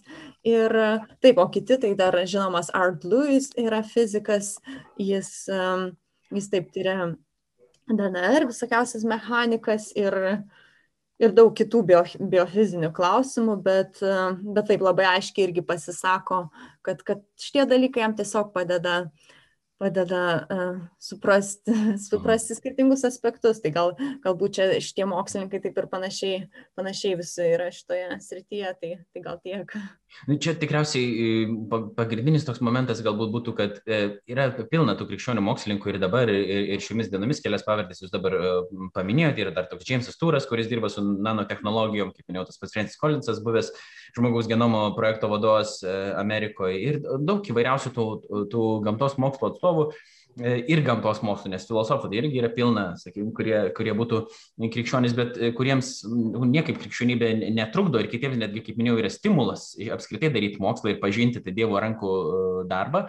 Ir, ir jie tą skirti daro daug maž taip, kaip tas pats jūsų minėtas daug kartų jau Jonas Lennoxas jis irgi sako, bet be to pirago analogijos, e, kad piragą kaip ir galima išnagrinėti, kas jisai toks yra cheminiam e, tam tikrom medžiagom, bet iš tikrųjų tai nebus atsakoma, kodėl tas piragas iš vis buvo iškeptas. Ir čia jau yra kito ligmens paaiškinimas. Tiesiog sako, kad yra skirtingo ligmens paaiškinimai. Vienas paaiškinimas yra skirtas grinai mechanistiniai tam tikrai sandarai, o kitas paaiškinimas yra nu, gal prasmės, tikslo ir visokių kitokių dalykų. Dėl to jisai, pavyzdžiui, sako, per algebrą jisai nemoko dešimties dievo įstatymų, nors yra skaičius dešimt, bet, bet jisai, nu, sako, net, net, net, net tas yra tikslas. Ne?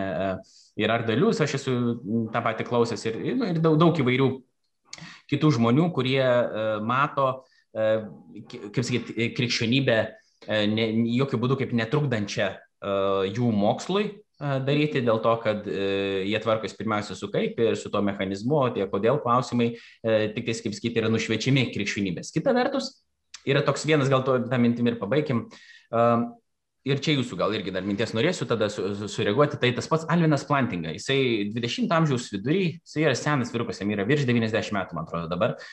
20 amžiaus vidury, kai buvo labai stipriai paveikta mąstysena ir akademinis pasaulis toks persisunkęs pozitivizmo, tai tokios filosofinės mąstysenos, kad kalbėti prasmingai galima tik apie tos dalykus, kurie yra empiriškai patikrinami. Tai reiškia, kad jeigu Dievas ir yra, ta prasme, jo empiriškai patikrinti yra neįmanoma, tu negali Dievo pačiupinėti, dar kažką, tai apie jį net neprasmingai yra kalbėti. Prasme, čia yra Dievo kalba, kalba apie Dievą yra tiesiog nesąmonė, iš principo.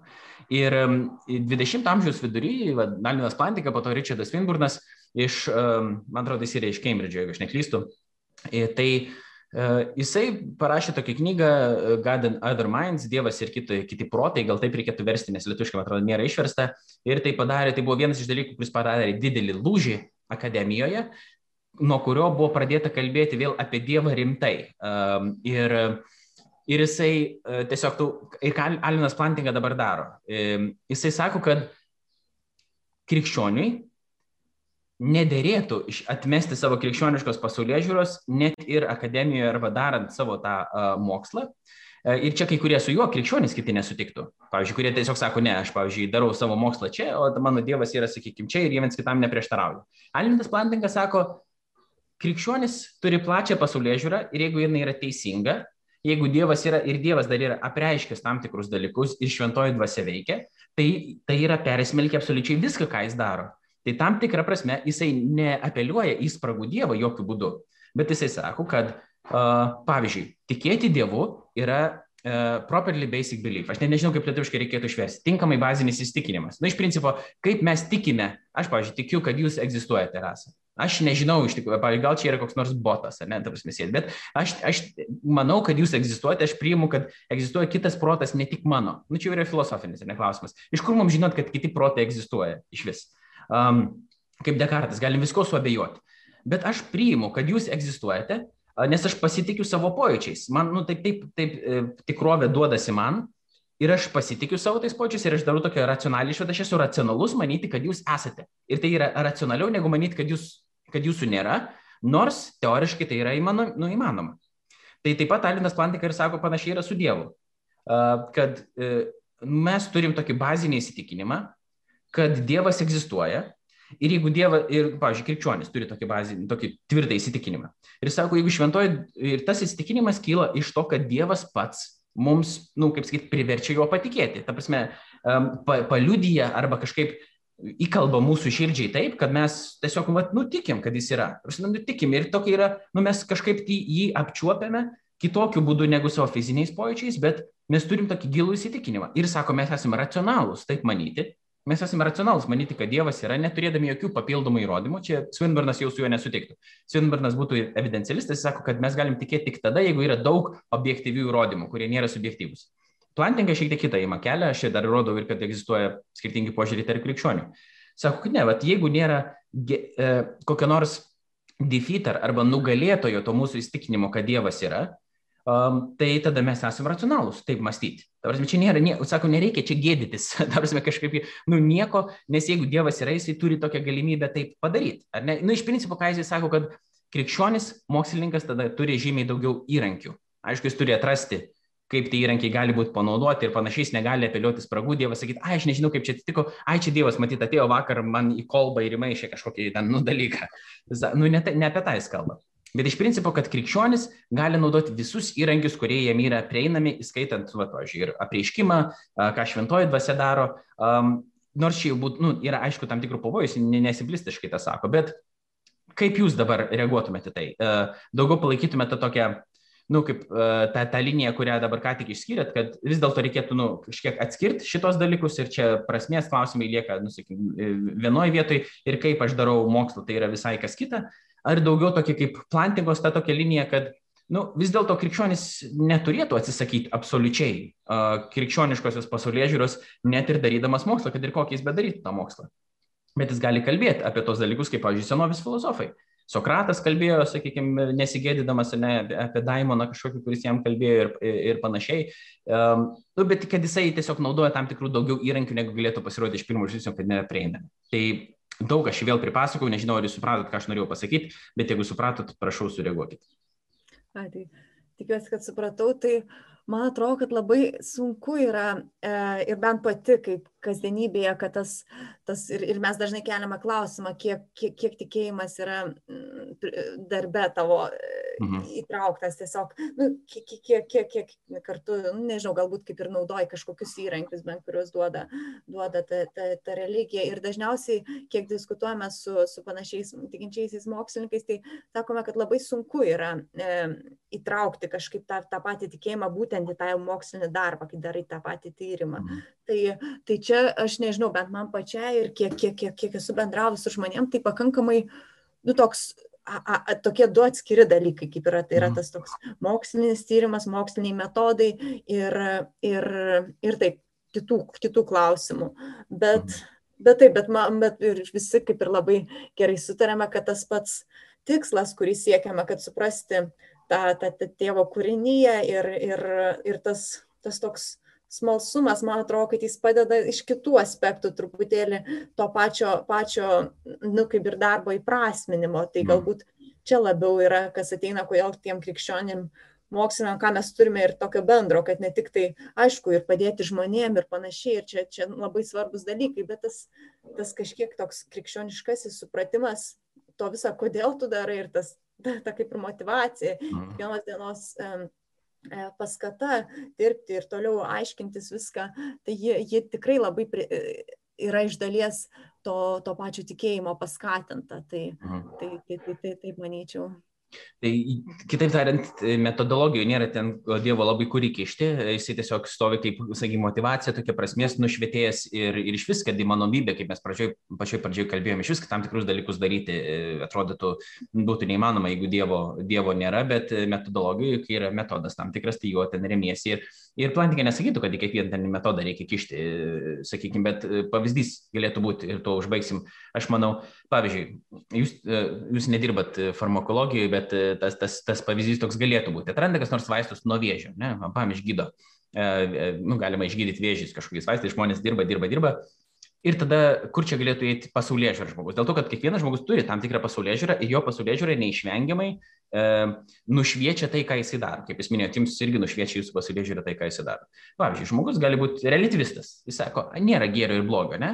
Ir jisai tada ir gamta mokslinių metodų jisai negali prieiti prie to atsakymo, o kodėl dabar jam reikėtų nesumeluoti, kad jisai iš tikrųjų netrado to vaisto, arba kodėl jam nereikėtų iškelti žiauriai didelės kainos ir tos padaryti to nu, vaisto neprieinamo kažkaip, nu, kodėl jam nereikėtų paralopti iš to. Ne?